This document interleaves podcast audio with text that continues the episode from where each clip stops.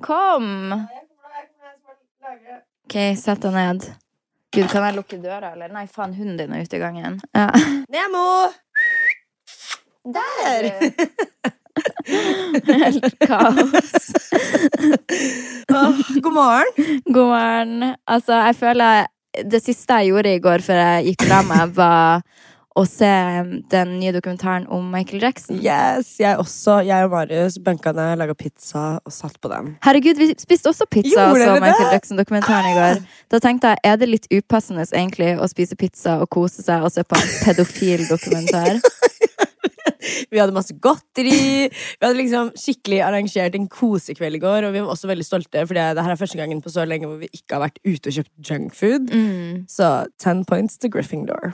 Men ok, Michael Jackson-dokumentaren, til de som ikke vet, så har det kommet en HBO har laga en veldig bra dokumentar. Ja, det var HBO, ikke Ja, sant? den er i to deler. Den er superbra laga. Sånn, Mm. Man blir tilfredsstilt sånn estetisk av å se på den. Den er veldig clean.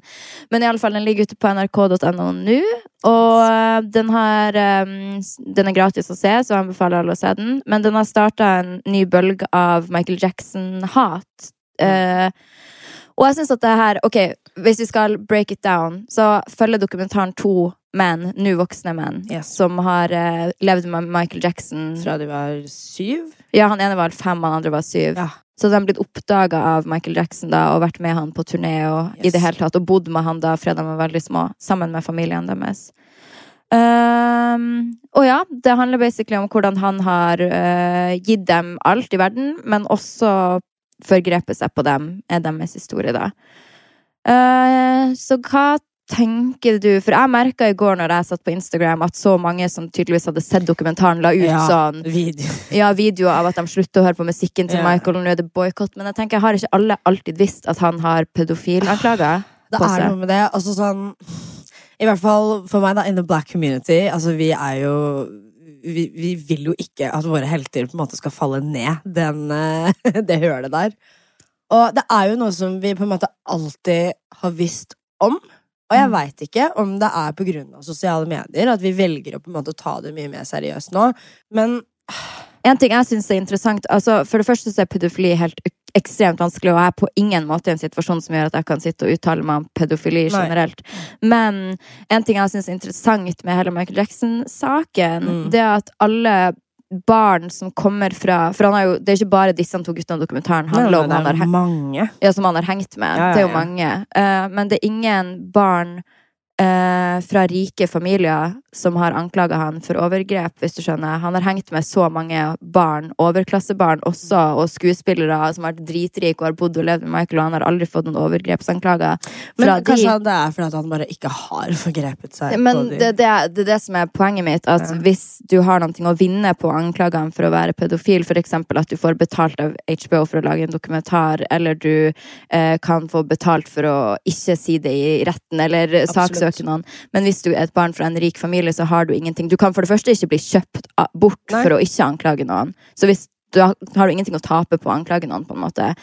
Og du kan heller ikke liksom Ja, jeg syns bare akkurat den biten er litt rart ja. at alle de rike Men kanskje igjen, kanskje hvis du kommer fra en fattig familie, at du er enklere å forgripe deg på. Ja. Hvis du skjønner. Sykt vanskelig sak, ass. Men det jeg syns er så dritt med at det kommer ut nå, er jo at Michael Jackson er død. Det er ingen andre som får eh, svi for det her, annet enn hans familie som lever nå, som er hans barn, da. Og det syns jeg er litt dumt. Den burde jo ha kommet da, for det her er jo lenge siden. Da burde den jo ha kommet for mange mange år siden. Og man kan jo si at kanskje ofrene ikke var klar for å uttale seg da, og det får nå så være, men det har jo vært mange som har anklaga han for, for ting, da. Og nå skal alle begynne å hate og unfollowe, og jeg tror ikke at man Det var noen som skrev til meg det eneste barna hans har å tape på det her, er penger, og de har jo mye penger fra før. Og så er det sånn, nei, det er det ikke. Hvordan tror du det føles at faren din står Pedofil, liksom. ja, i Eh, grafiske detaljer står at det er en dokumentar om faren din som er død, og nå er liksom pedofil for hele verden å se. Jeg sier ikke at jeg gjør det riktig, men det bare Det gir meg en litt sånn dårlig følelse.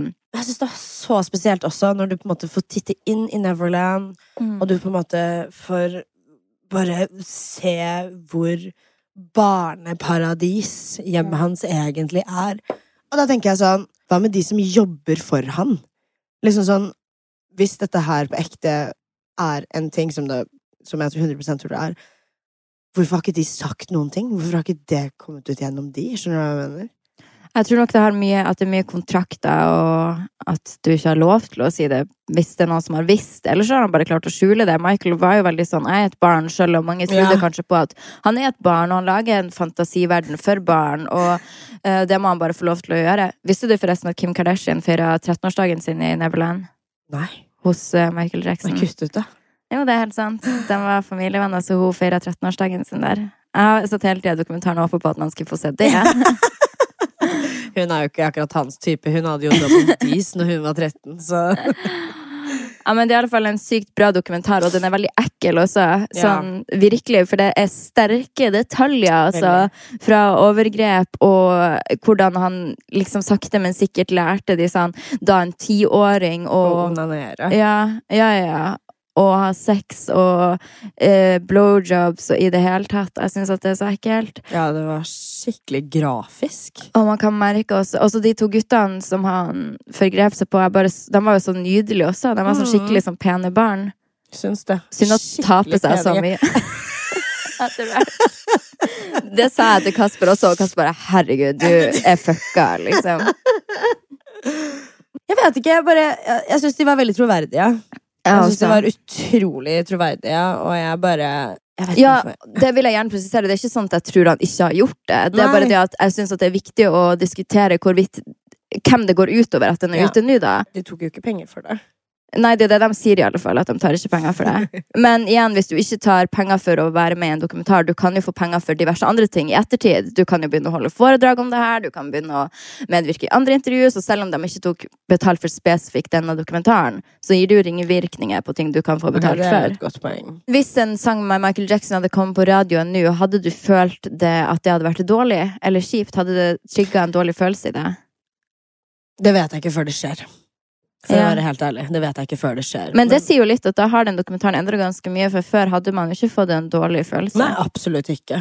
Selv om man visste at han var Ja. pedofil. Men jeg merker jo sånn nå, da, R. Kelly for eksempel. Mm. Sånn Jeg sliter jo med å ikke høre på musikken hans, hvis du skjønner. I fucking love R. Kelly. Og sånn det, bump and gr sånn, det er barndommen min, skjønner du hva jeg mener? Og det eneste dårlige følelsen jeg får av å høre på han, er den dårlige samvittigheten jeg får for å vite at eh, alt det bullshitet som har vært rundt. Skjønner du hva jeg mener? Mm. Så hvis jeg skal sammenligne med det, så hadde det vært mer sånn åh, dårlig samvittighet for at eh, jeg fortsatt digger låta, hvis du skjønner hva jeg mener. Ja.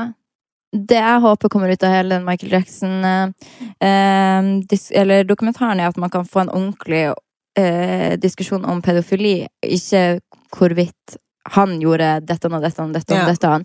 For at det spiller på en måte ikke lenger så stor rolle, for han er jo død.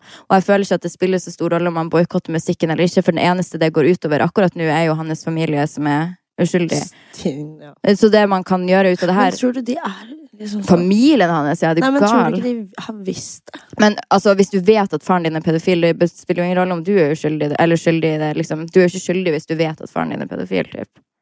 Nei, men hvis du lar han holde på Ja, hvis så- du er et barn, hvor gammel var han da han døde? Jeg Ti år? sier ikke barna hans, jeg sier alle sø Vet du hvor mange søsken han har, eller? Ok, men det er barna hans jeg snakker om. Oh, ja, Jeg er dritnøy i søsknene hans. Ja, barna han... Men jeg tenker dem som det går utover mest, er jo barna Ja, barna. hans. Og derfor syns jeg heller at man skal rette, hvis en pedofil-diskusjon har fått et søkelys som den jo har, retten over på å fokusere på dem som er basketball- eller fotballtrenere, og utnytte dem som er flinkest på laget til Ja. å ha sex med dem, eller naboene som sitter barnevakt, og så rette de, eh, lyset dit. For det finnes, som man sier, overalt i hvert et eneste nabolag, så hvorfor ser vi 20 år tilbake i tid til Neverland når man kan se i sitt eget nabolag, liksom? Det forstår ikke jeg helt, og jeg er litt redd at eh, diskusjonen blir i feil lys. Men fra det ene til det andre, holdt jeg på å si. Vi eh, var jo på en eh, hotellåpning i eh, helga som var. Yes. Eh, På The Hub. så greia er at Petter Stordalen elsker jo å ha store fester, og jeg vet jo at Choice, som er Petter Stordalen sin hotellkjede, har lagt om markedsplanen sin litt. Eh, derfor har de nå begynt å invitere influensere og holde på når det er fester. Så de åpna et nytt hotell eh, i Oslo, eller har pussa opp et hotell. Yeah. Og inviterte da det som kunne krype og gå av influensere og kjendiser til en eh, konsert og treretters middag og overnatting for de som ønska det på hotellet. da. Og der var jeg, der var du, der var alle andre. Du fikk din største spons noensinne. Jeg fikk hotellrom Mm. og middag, jeg fikk ta med meg Marius, og ja.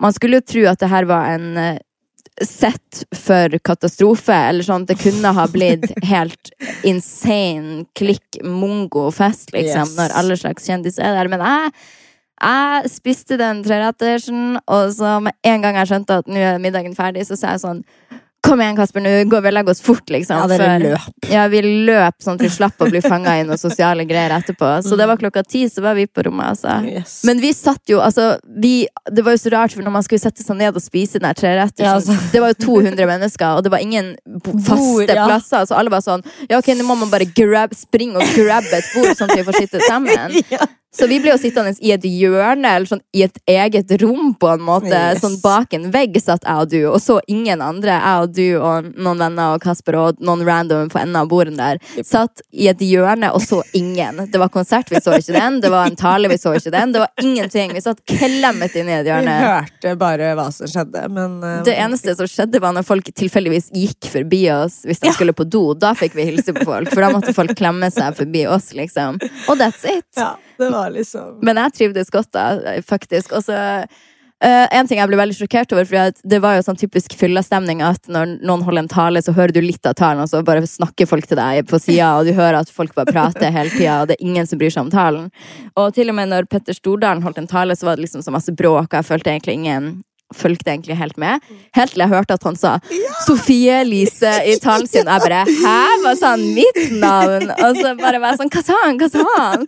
Og så var det tydeligvis noe fint, men jeg fikk jo ikke helt med meg hva det var. Det var vel om at jeg var den type nye entreprenøren. Han nevnte meg, så nevnte han Vegard Harm, og så sa noen Men Vegard Harm får betalt for å være her. For det fikk han jo, for han, holdt han var jo entertainer. Jeg bare, herregud, jeg var den eneste han nevnte i talen som ikke får betalt for å være her. Ja, det var ganske ikonisk. Da fikk jeg sommerfugler i magen. Jeg gikk jo da og leita etter Petter etter det. Eh, fordi at, eller, eller egentlig gikk jeg på do, men så tok jeg en omvei etterpå for å se om jeg fant han. Og det gjorde jeg. Eh, har aldri møtt Petter før. Har du ikke det? Nei.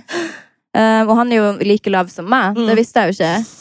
Um, og så står jeg og snakker med han litt, og jeg var jo altfor full til å egentlig huske denne samtalen. her Eller jeg var jeg sa sånn 'Herregud, tusen takk for at du nevnte meg i talen din'.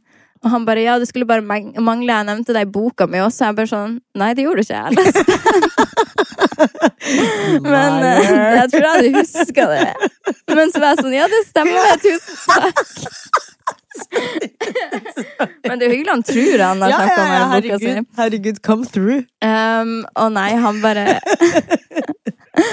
Eh, Han er jo helt Altså, jeg beundrer jo han veldig. Ja. Uh, uh, men han skriver jo i boka si den, Jeg skal fortelle min hemmelighet. Mm. Jeg har jo hatt den boka i alle de år, men jeg har liksom ikke lest den før nå nylig, faktisk. Og han sier jo i den boka at ingen suksess, suksessfulle folk sover lenge på morgenen. Alle står opp rundt klokka fem. Ja. Senest halv seks, typ. Det Så jeg tenkte jo på det her etter jeg hadde møtt han, at alle suksessfulle folk står opp klokka fem eller seks. Jeg kan ikke være ute og feste hele dagen eller natta. Så det var litt det som gjorde at jeg tenkte jeg må eh, dra, sånn at jeg kan stå opp klokka fem eller halv Altså, halv dere løp. Men tror du jeg sto opp fem eller halv seks, eller no? Jeg sto opp klokka ti, liksom, uansett. Det sto tolv timer. Jeg tenker meg en gang jeg legger meg tidlig nå, for jeg sover tolv timer!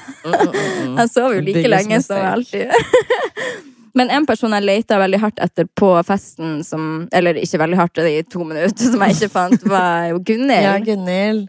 Eh, Ja, Kona til Hun er gorgeous. Oh my god. Hun er helt nydelig, og hun er jo mitt store forbilde. Så hvis jeg fikk velge én person i verden jeg ser opp til, så er det jo hun. Yeah. Uh, jeg har kun møtt henne én gang, og det var jo i salongen din, Yes. der du jobber. Faktisk. Altså, jeg også ble ganske starstruck når hun kom inn i salongen. Og jeg blir aldri starstruck, men hun bare er et så mektig vesen, føler jeg. Mm. Og hun bærer seg selv på en så fantastisk måte. Ja. Og den er bare sånn Og jeg sa til Jan også, jeg bare sånn okay, Jan Thomas, altså. Ja, Jan Thomas. uh, du, Sofie, hun er her. Kan vi være så snill å prøve å liksom få de til å møtes? Og han bare sånn hva? Selvfølgelig skal vi få til det! Og så kommer hun opp, og så skal hun vaske håret, og du ligger i vasken som en våt hund, og dere liksom begynner å prate Ja. sammen, og det var et så cute moment. Det var og, fantastisk. Og Ja. jeg beundrer jo Gunhild så mye på grunn av For det første så er boka hennes, den, Det store bildet, oppriktig en av de beste bøkene jeg har lest. Virkelig. Jeg leser mye. Jeg lest Ja. to bøker i uka, og det er fortsatt en av de beste bøkene jeg har lest. Eh, anbefaler den til alle. Det er ikke bare en utrolig bra biografi, sånn velskreven, og den driver seg godt fremover, men den er viktig. Eh, den handler om miljø og mat og politikk og verden på en så enkel og forståelig måte. Og det var sånn, når jeg leste den, så fikk jeg frysninger, for det var, det var som om lys etter lys etter lys gikk opp for meg om bare klimapolitikken og mat. Og, Føler du at jeg kunne kommet meg gjennom den boka? Eller? ja, absolutt. Ja. Det er faktisk en bok jeg oppriktig tror at alle kunne komme seg gjennom. For det ingenting vanskelig i den. Sånn alt er enkelt å forstå. Um, og når jeg hadde lest den, så ble jeg så inspirert til å eh, eller For det første så var det første gangen jeg forsto hvordan klimaforandringen er, har påvirka Norge så langt. Uh, for man tror at vi er skjerma her, og det eneste er kanskje litt endring i vær. Men hun bare forklarte om rasfare, og hvordan man har begynt å sikre seg for det, og det med at havet stiger, hvordan fisken forflytter seg, og alt mulig, og hvordan det allerede har begynt å påvirke oss. da. Og jeg tror oppriktig at Gunhild gjør så mye bra for planeten vår. Men så får hun så mye kritikk også, for sant, hun er jo rik. Hun Yes. kan ikke mene dette. Hun flyr jo. Hun, Ja. Og, For det hørte jeg litt eh, kritikk da på Ja. den eh, dietten hun eh, presenterer i boken sin. Nå har ikke jeg lest boken selv. nei, hun presenterer den ikke i boka. De kommer med en forskningsrapport etterpå. Ah, ok, ja, Og den fikk hun veldig mye kritikk Mm. for, vet jeg. Fordi at, ja, men du har jo mye penger, selvfølgelig har du råd til å spise på den måten her. Ja. Uh, og det er jo bare tull, for at alle har jo råd til å spise sunt. Det er faktisk helt sant. Er du, du er jo kjempe, har jo vært Ja. kjempefattig å spise sunt. Ja, ja, ja. Altså, det, det, kom deg ned på Grønland. Ja, men altså, det handler om prioriteringer. Det er sånn, Du kan spise sunt selv om du har lite penger, faktisk. Yes. Men uh, Man skal jo ikke gå inn i den, for at folk har jo sine restriksjoner på å gjøre sånn som de gjør. Men jeg føler at man skal få lov til å gjøre noe riktig, selv om man ikke gjør alt riktig. på en måte. Jeg applauderer at folk engasjerer seg i ett område, selv om de kanskje ikke engasjerer seg i alle. Typ. Men Gunhild hun flyr jo ikke privatfly, det gjør hun aldri. Og det syns jeg faktisk det er litt creds i bare der. Når du er dritrik, så kan du hoppe på et privatfly hvor som helst. Og det å si nei, det gjør jeg faktisk ikke, for jeg bryr meg om miljø. Gunhild shopper typ ikke. Det syns jeg også er veldig rått. Hun, eh, ja, hun er typ veganer. Hun har en hel organisasjon som handler om å få verden til å spise sunnere. Og det gjør hun på goodwill. Jeg tror ikke hun tjener noe på den. Og det er ikke at hun trenger det, men still, liksom. Og jeg synes at det er ganske rå ting å gjøre. Det er mange som har makt, som ikke bruker den makta godt i det hele tatt. Ta Kylie Jenner, for eksempel. Tenk om hun bare hadde gjort én ting for miljøet. Hva er hun egentlig sånn eh, av veldedighet? Nei, Hun har gjort den smile Sma ja.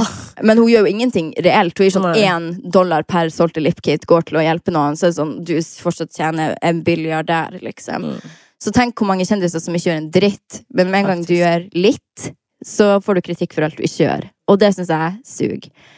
Hvis jeg skal ta meg sjøl som et ja, eksempel Du får jo masse kritikk. ja, jeg, Masse. jeg får jo kritikk fordi at for det første så Jeg tror at man må evne å sette seg inn i hvor folk er i livet. At folk må forstå at jeg er i en plass i livet der jeg lever av å være influencer. Min jobb går ut på å få folk til å forbruke. Det er noe jeg er klar over, og noe som på mange måter kan gjøre veldig vondt. Jeg prøver å være bevisst, iallfall til dels, i tingene jeg reklamerer for. Eh, men uansett, da. Jeg er klar over at det er jobben min, men igjen, da blir det helt glemt av alle de bra tingene jeg gjør. Nei, ja. Altså, sånn som jeg er jo så å si veganer. Jeg kjører elbil, og hvis ikke kjører jeg kollektivt. Jeg har ikke vært i utlandet på ett år, selv om jeg har penger til å kunne reise en gang i måneden hvis jeg ønsker det. Jeg prøver å fremme å reise her i dette landet. Jeg har ikke vært og besøkt familien min på flere måneder. Vanligvis dro jeg en gang i måneden. Det er sånn, Jeg kildesorterer, jeg kjøper klimakvote, jeg... og så allikevel så er det sånn Å, men du Du flyr. Ja, Du flyr noen noen til- gang. Ja, du legger ut en Nelly-kode. Ja, sånn, ja. Unnskyld meg, men hva med alle de andre tingene du gjør? Og jeg er helt enig. Jeg syns ikke du får nok ros, da, for de tingene du gjør. Ja, så det er også det at jeg blir jo ikke inspirert heller til å gjøre mer når jeg får kritikk. Da slår jo egoet inn. Da sånn, da, slår, da stiller jeg meg imot. Men en ting jeg så i går som jeg ble ekte inspirert av Du vet hun der svenske hun Greta? Yes. Hun unge hun som- fikk jo pris på kvinnedagen, gjør hun ikke det? Der har du mitt andre store forbilde. For de som ikke vet, så er det vel en jeg tror 15, 14-15 Ja, år. 15 år. Svensk. Eh, som eh, har eh, Autistisk eller aspergers, eller et eller annet, hun er iallfall jævlig god i engelsk. For når jeg Ja. hører de talene hun holder, så tenker jeg oi, du, det høres ikke at du er svensk. Men i alle fall, hun er jo superengasjert i klima og var den første som begynte å streike eller skulke skolen hver Ja. fredag. Eh, Fridays for Future, eller Future for Mm. Fridays, eller et eller annet sånt. Yes. Si fuck for Forest. um, men i alle fall, hun um, streik, eller skulker skolen hver fredag og uh, har starta en bølge da, der de i mange europeiske storbyer skulker hver fredag. yes. Ikke i Norge, der har det dessverre ikke tatt. Nei, vi bryr oss ikke nok. Men eh, så derfor vil jeg gjerne, hvis noen Altså hvis noen hører på det her av For jeg satt og tenkte på det i går, at hvis noen Finnes det noen influensere jeg kan gå sammen med og oppfordre til å skulke skolen en fredag, så kommer jeg ikke på noen. Så hvordan influenser som er stor, skal jeg ta kontakt med, som ville ha vært med på å gjøre et sånn miljøengasjement, tror du? Jeg kommer ikke på noen, og det syns jeg var litt sånn trist. Jeg prøvde virkelig å tenke på det. For jeg har gjerne lyst til å gjøre en sånn greie der jeg oppfordrer, der jeg kan være sånn Skulk skolen på fredag, jeg kommer og henger med dere foran Stortinget. Eh, så tar vi og henger der, protesterer, jeg blir med på bilder, vi gjør noe kult. Send meg bilder av at dere skulker, vi lager en bølge, vi får til noe. Det kjente jeg skikkelig som behov for å gjøre, det. Hvorfor skal vi skulke? Vi skal skulke fordi eh, Nå går jo ikke jeg og du på skole, men vi er med og støtter opp under det her. Greia er at politikerne ikke bryr seg om framtida vår. Man burde ha dratt i nødbremse for lenge siden når det kommer til klima og miljø, for vi har fortsatt en sjanse til å redde planeten vår, men vi gjør ikke det. Istedenfor pumper vi ekstra penger i å ødelegge planeten vår. Den dritten som har fått oss i den situasjonen her i utgangspunktet, bare pøser man penger inn i for man tenker på at de rikere skal bli rikere, og det skal gå til helvete for oss som er igjen på denne planeten om 50 år. I 2050 kommer det til å være mange, mange, mange, mange, mange millioner klimaflyktninger i verden. Planeten kommer til å se helt annerledes ut, og det skal vi skulke mot. Så jeg har, hvis noen har noen forslag til hvordan man kan få det her til å ta av i Norge Det her er så bra, altså. Hele Kjendis-Norge burde jo bare gå sammen og påvirke om det. Fy faen, så kult. Da kan vi for en gangs skyld gjøre noe rått sammen. Yes. Den eneste som har gjort noe kult her ever, var jo Sigrid Bonde Tusvik når hun eh, protesterte utenfor eh, Stortinget i, i Handmaid's Tale-greia.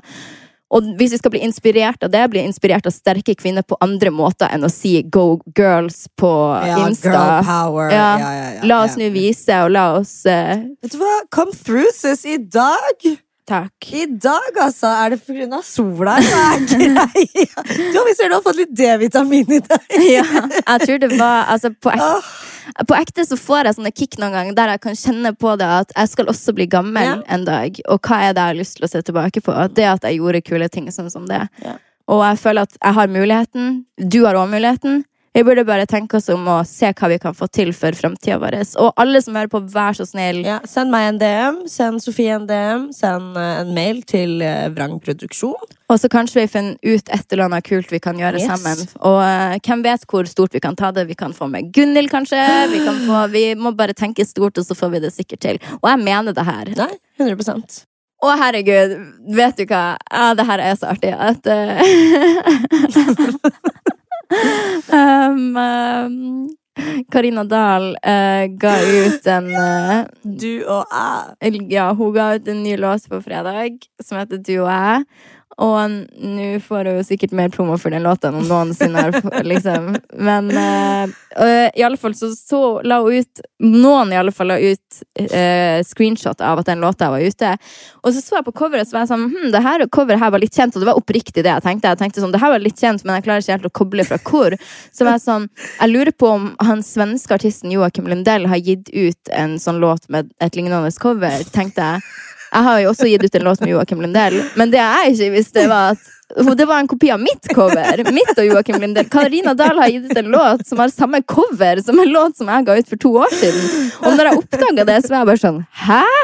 Coveret er en tegning av For det er kjent igjen, det er liksom en tegning av en jente og en gutt som sitter på en sykkel. Ja, det er litt sånn ET-moment. Eh, ja, og jeg og Joakim Lundells cover var den jente, akkurat den tegninga. Og så er det litt andre farger, men det er akkurat samme tegning. og greia er at noen har jo tegna denne tegninga på vegne av Joakim Lundell, som jeg ga ut en låt med. Så det er jo Den, liksom er, den var spesiallaget til han. jeg er ganske sikker på det, ja. Jeg var litt usikker på om jeg skulle legge det ut på Story og typ henge henne ut, for jeg følte meg litt slem. Ja, du kom off litt shady. Men uh, jeg snakka med henne også, og manageren hennes, og de var bare sånn Ja, det går greit, for du, hun får jo liksom ekstra promo, typ. Og de eh, endra jo coveret hennes også. Men det var da Nei, tenkte jeg, går det an til å bare aldri få det helt til, typ? Sånn, hvordan må du kopiere coveret til noen andre?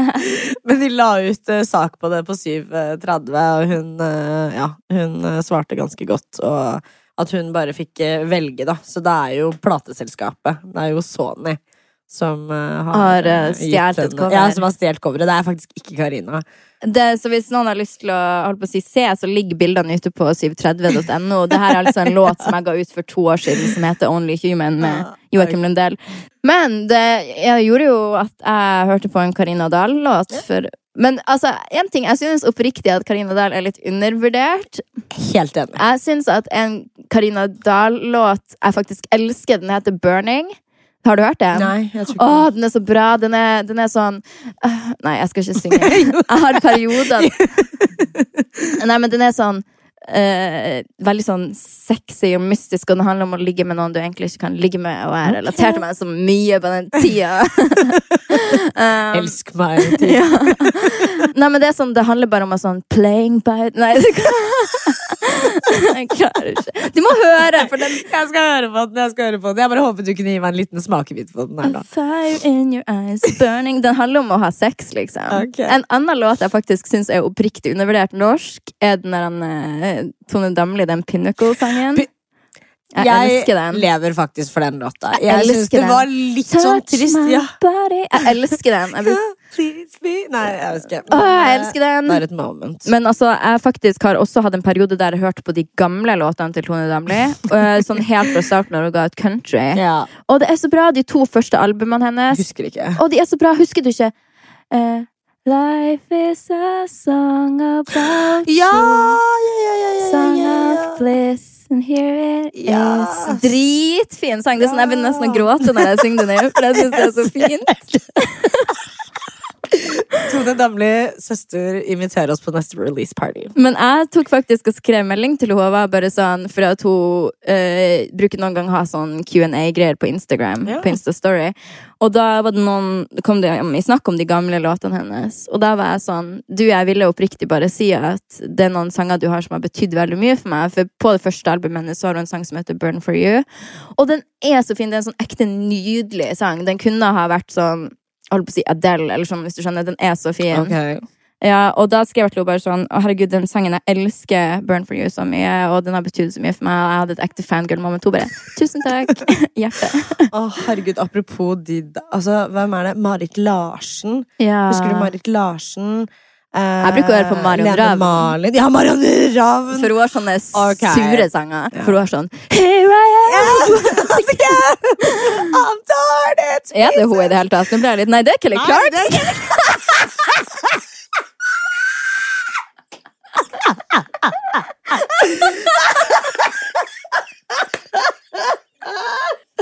Er det mulig? Ok, wow, wow, wow. Til tider så får jeg tilsendt sånn um, fra følgerne mine, da. Hvis noen har lagt ut noe stygt om meg, eller skrevet noe stygt om meg på Jode, eller yeah. en stygg kommentar, så sender folk meg screenshot, og er sånn Bare sånn du vet det, jeg er ikke enig med disse folkene. Så er det sånn Jeg har ikke sett det disse folkene mener, og jeg vet ikke hvem du er heller, så jeg på en måte trenger? Ja, jeg trenger ikke å se. Men da var det i alle fall noen som sendte meg en story som Kristin Gjelsvik hadde lagt ut, der hun typ kritiserte det vi hadde snakka om i Kompleks-podkasten. Serr? Ja, jeg fikk ikke helt til å høre, for at eh, det var dårlig lyd, og hun snakker jo bergenser og var sur, og da er jeg høygravid, så jeg tenker bruk, vær så snill å bruke tida di på noe annet, egentlig. Men jeg syns at det er veldig trist at vi Ja, men hva var det som ble Hva, hva, hva var storyen? Eh, Det var bare det at hun mente Jeg tror det handla om at vi liksom prakker kompleks på folk, eller ja, i det hele tatt at man ikke skal snakke om det vi snakker om i podkasten, om vaginakompleks og alt mulig. Og jeg syns at det er veldig trist, for du vet sånn det, er jo kun greit å snakke om det hos legen, da. Nei, ellers er det ikke greit å snakke om noen ting med mindre du uh, runder det av med en moralpreken om at man er Ja, bra ja, nok ja. som man er. Typ. Eh, og um, jeg syns at det er veldig trist, for at når det er sånne som Kristin, som jeg typ kjenner privat, så er det sånn si det til meg privat, hvis du skjønner. Nei. Linnea Myhre og dem snakka jo også om eh, i sin podkast yeah. om det. Men Linnea skrev til meg først og var sånn, bare sånn du vet så snakker vi om det her i podkasten, og håper det går bra. Og så var jeg sånn, ja, herregud, null stress, Yeah. og liksom håper vi kan henge neste uke. Up. Ja. Ja, og da er det sånn bare god stemning. Jeg digger Linnea som faen. Helt ok, samme hva hun skriver, liksom. Men ikke legg ut en story når det er noen du kjenner på privaten, og Nei. bare gå i klikk når du kan sende meg en melding først, hvis du skjønner. Men hva var det Linnea de, de snakket om oss også i, Eller snakket de bare om eh, selve temaet? De snakka om selve temaet, man skjønte jo at Men det var bra, det var gjort på en veldig ryddig måte. Ja. Og Linnea er jo klok, så hun snakka liksom rundt. Dritklok. Ja, så hun snakka jo om, om det med å på en måte eh, ja, adoptere komplekser til noen, da. Og ta på seg andre sine komplekser. De, de er jo uenige i meg Ja. og deg, men det er jo også greit. Og jeg tror det at folk må forstå at jeg og du er jo ganske transparent som person. Vi er åpne for diskusjon, åpne for at folk skal være uenige. 100%. Men jeg føler jo også at du får veldig mye pepper, fordi akkurat dette her da, med komplekstema Jeg føler at jeg bare blir så hedra når jeg skal sitte og snakke om vekta mi, og at jeg er feit. Mm. Men med en gang du prøver å komme på bordet med et kompleks, så blir du på en måte alltid skjøttet ned. Og jeg bare klarer ikke helt å skjønne hvorfor det er mer ok for meg å snakke om mine feite pupper og min eh, feite rygg og mine feite armer, men at eh, du snakker om dine vaginakomplekser, det er på en måte ikke ok. Jeg tror nok at det er den pakken jeg er, at jeg generelt sett kanskje fremmer Du har en dårlig track record, liksom. Ja, siden jeg har operert mye før. At jeg Ja. på en måte Jeg tror at hvis jeg hadde vært helt naturlig, og vagina hadde vært det første jeg hadde prata om, så hadde folk sett helt annerledes på det. Ja, tror jeg. Eh, men det er jo dumt, da, for man har ikke lov til å vokse eller utvikle seg. Nei. Jeg syns det er så leit at folk skal bli så krenka Ja, her. enig. Man kommer jo aldri Samfunnet har jo på ekte gått framover fordi at man har diskutert og man har turt å stå i motsetninger. 100%. Og det handler jo ikke om å normalisere det, det handler jo bare om å ha en åpen dialog. Men eh, tror du ikke at samfunnet trenger litt at noen er Sophie Elise eller Fetisha og bare er helt fucka og sier masse fucka ting, sånn at man kan diskutere mot det Så det? setter i gang hjula i huet ditt, og Ja, du på en måte klarer å komme fram til din egen mening. Sånn, og det er et veldig godt eksempel, for vi sa, jeg og Marius hadde en heit diskusjon om det her her om dagen. Eh, hvor vi sitter og snakker om sosial... ah, mm, Nå skal jeg komme og ta den.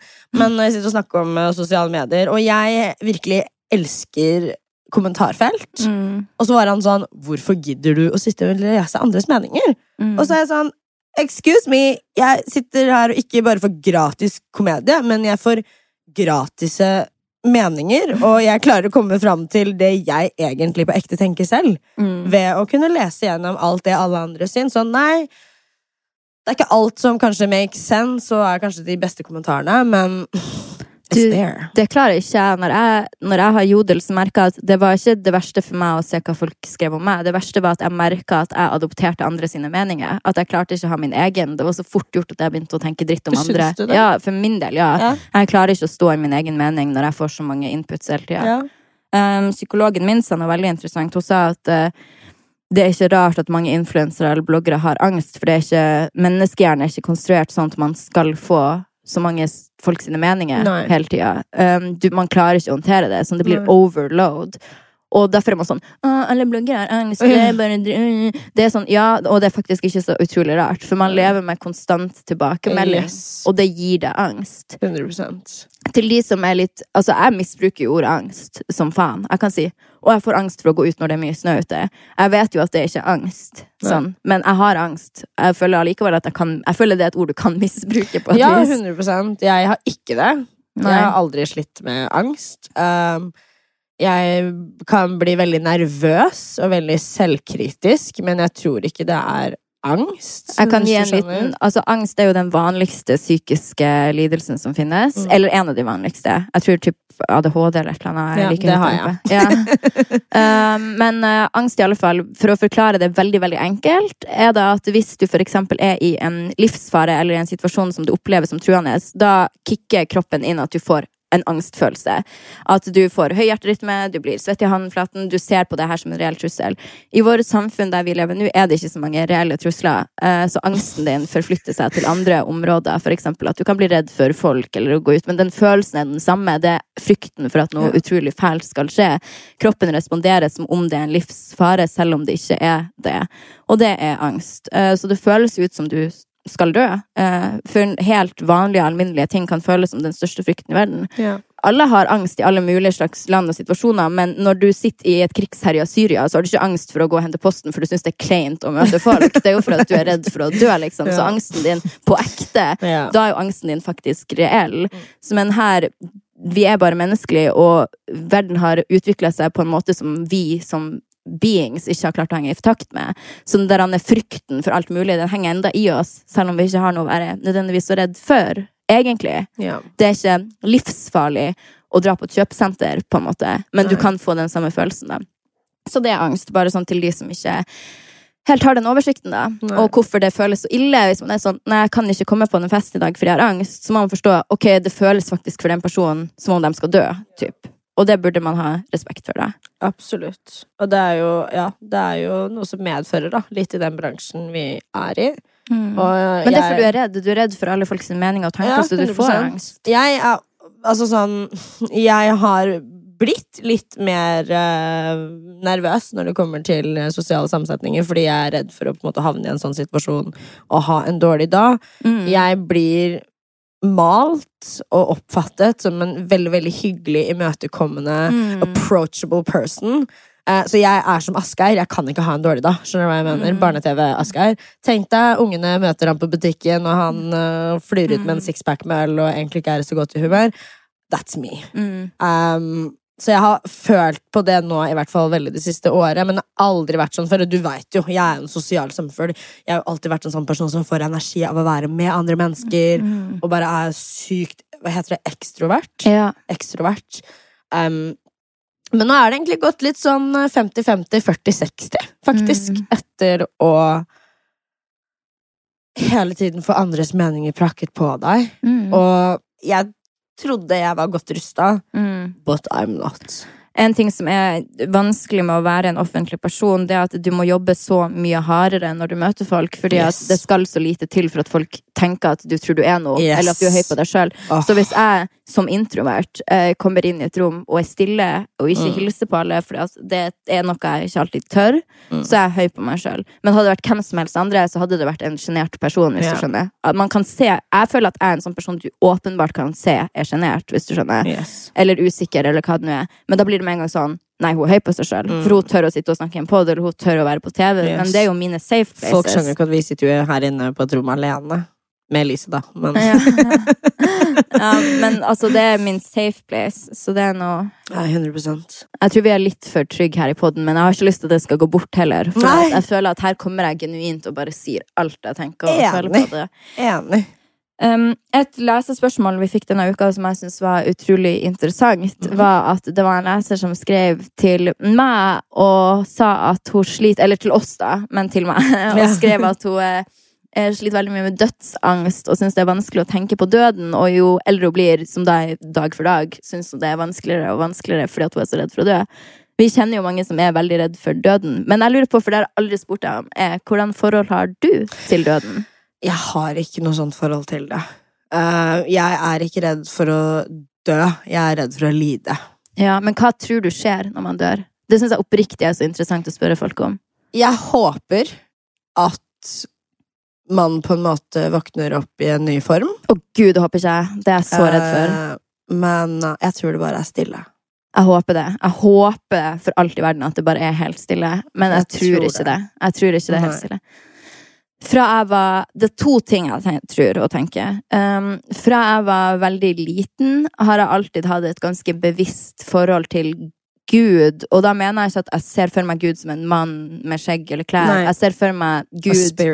Ja, som en slags kosmisk kraft, kraft, og at vi alle er en del av et sånn kosmisk hjul som bare går og går og går, yeah. og at vi alle er en del av en større bevissthet. Så det er derfor jeg tror på karma, jeg tror på at uh, det du sender ut, det kommer tilbake, for vi alle er en del av et sånn hamsterhjul. Og det hjelper meg også på dårlige dager, da, å tenke at det er noe større. Jeg er ikke noe større, men jeg er en del av noe større, på et vis. Og jeg ber jo til Gud, og det har jeg gjort siden jeg var liten, men jeg ber ikke til en mann, jeg ber ikke til en kristen tro. Jeg Nei. ber til den poweren, da. Jeg tror jo på the secret, og det er derfor jeg tenker sånn at å dø kan på en måte Det er ikke noe jeg er redd for, for jeg ser for meg at det er en del av den kosmiske Ja. bevegelsen man er en del av, da. Men en teori som jeg oppriktig er veldig redd for, det er at eh, Jeg vet ikke om du har hørt om den teorien The Egg, altså egget. Nei. Eh, Den handler om at når du dør, så møter du en creature, eller en viten, da, som forteller deg at oh, ja, nå du er alle på jorda, så neste liv så blir du meg, eller du blir han, eller du blir hun, eller tid er en illusjon. Så du er alle personene på jorda, bare i ulike tidsrom. Hele universet er skapt for deg. Så basically, det du gjør mot andre, gjør du mot deg sjøl. For en eller annen gang blir du den vedkommende. Du kommer til å være en IS-kriger, du kommer til å være Hitler, du kommer til å være kongen dronninga, du kommer til å være Kardashians. Oh du er alle. Du blir bare gjenfødt og gjenfødt og gjenfødt og gjenfødt. Og universet er et egg, og det er derfor det heter de egg, da. Det er ditt egg, og her blir du bare resirkulert og resirkulert og resirkulert inn i Ja, det er litt det, med å bare våkne opp i en annen form eller som noen andre. Jeg er livredd for det. Det har jeg ikke lyst til. Jeg er ikke redd men nå har ikke jeg tenkt på det på den måten der, så nå fikk jeg vel kanskje litt eh, angst som er gåstein, men uh, Grunnen til at jeg mm. tror at den teorien her er litt uh, hold i, og, eller at den faktisk kan være sann, og uh, det er fordi at jeg Nå sitter jeg basically bare og snakker til meg sjøl, da, egentlig. For jeg er der er alle podlytterne. Alle Å, gud, creepy! Men ja, i alle fall um, Ensomt. Men ja, jeg tror at det kan være litt ekte, fordi at déjà vu, Ja. det får man jo aldri alene. Du får alltid déjà vu sammen med noen. Du sitter jo aldri alene i stua di og bare Oi, nå har jeg déjà vu. Det skjer jo alltid i en setting. det har jeg ikke tenkt Så da tenker jeg kanskje det er for at du har opplevd det her, men du var den andre personen, hvis du skjønner. Du har opplevd det the other way Å, nå fikk around. jeg gåsehud! Er du seriøs? Æsj! Men det kom jeg på av meg sjøl, for jeg var sånn Gi meg en heads up hvis noen har opplevd déjà vu alene. Det er ingen som har. Aldri, aldri, aldri, aldri, opplevd det. Uh, er ikke det litt creepy, da? Oh, Du skjer alltid sammen med noen i en situasjon. Herre. Og kanskje derfor man noen gang kan føle at å, nå føler jeg det her kommer til å skje. For du Mm. har opplevd det før, men i andre enden av bordet, liksom. Men det er jo om noe en stor motivasjon til å være snill, for det kommer jo til å skje med deg. Altså, jeg merker veldig eh, på dette her med karma og eh, law of attraction. Mm. Uh, og jeg prøver alltid å være behjelpelig, hjelpe folk med barnevogna på trikken, av hjelpe folk i oppgangen min med å handle varer. Altså sånn, jeg prøver så godt jeg kan å være et godt menneske på ikke de største områdene, men bare litt og litt, fordi Faen, ass. Jeg tror så jævlig på at det er noe du får igjen, ass. Den energien du sender ut. Om du er et skittig menneske, Mm. Da tror jeg skittig ting skjer. Jeg er 100 enig, og det er jo ikke noe magisk over det, egentlig. Nei, det er jo ikke det. Det er bare helt for meg Ja. helt naturlig. Helt Altså, enig. jeg er jo et levende bevis på law of attraction. Fra, Mm. fra jeg var veldig liten, så har jeg visst at jeg skulle være i den situasjonen jeg er i nå. Sånn, jeg har bare visst det og vært helt 100% sikker. Og det er veldig rart med det, og jeg har, vet også nå hvordan livet mitt kommer til å gå, og hva som kommer til å skje.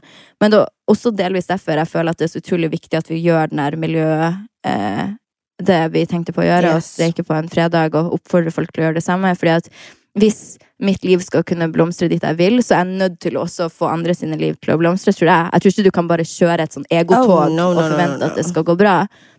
Men uh, det var kanskje alt for uh, denne uka. Ja, jeg føler jo det. Det har vært eh, veldig interessant. Yes. Og dere må huske på som lyttere å sende enten Fetisha en melding på Instagram, eller Yep. meg en melding på Instagram. Eller maile Vrangproduksjon. Mailen ligger i beskrivelsen. Om dere har noen tema dere ønsker at vi skal ta opp. Og igjen, ikke glem det vi sa om klima og miljø. Yes. Fredag for freedom or the future. uh, og det skal vi komme tilbake til. Vi trenger bare å legge hodene litt i bløtt. Yes. Og- Så please, please, please, please, please send meg en DM, send Sofie en DM, eller mail vrangproduksjon. Ja, og vi snakkes neste tirsdag. Neste tirsdag. Adjø!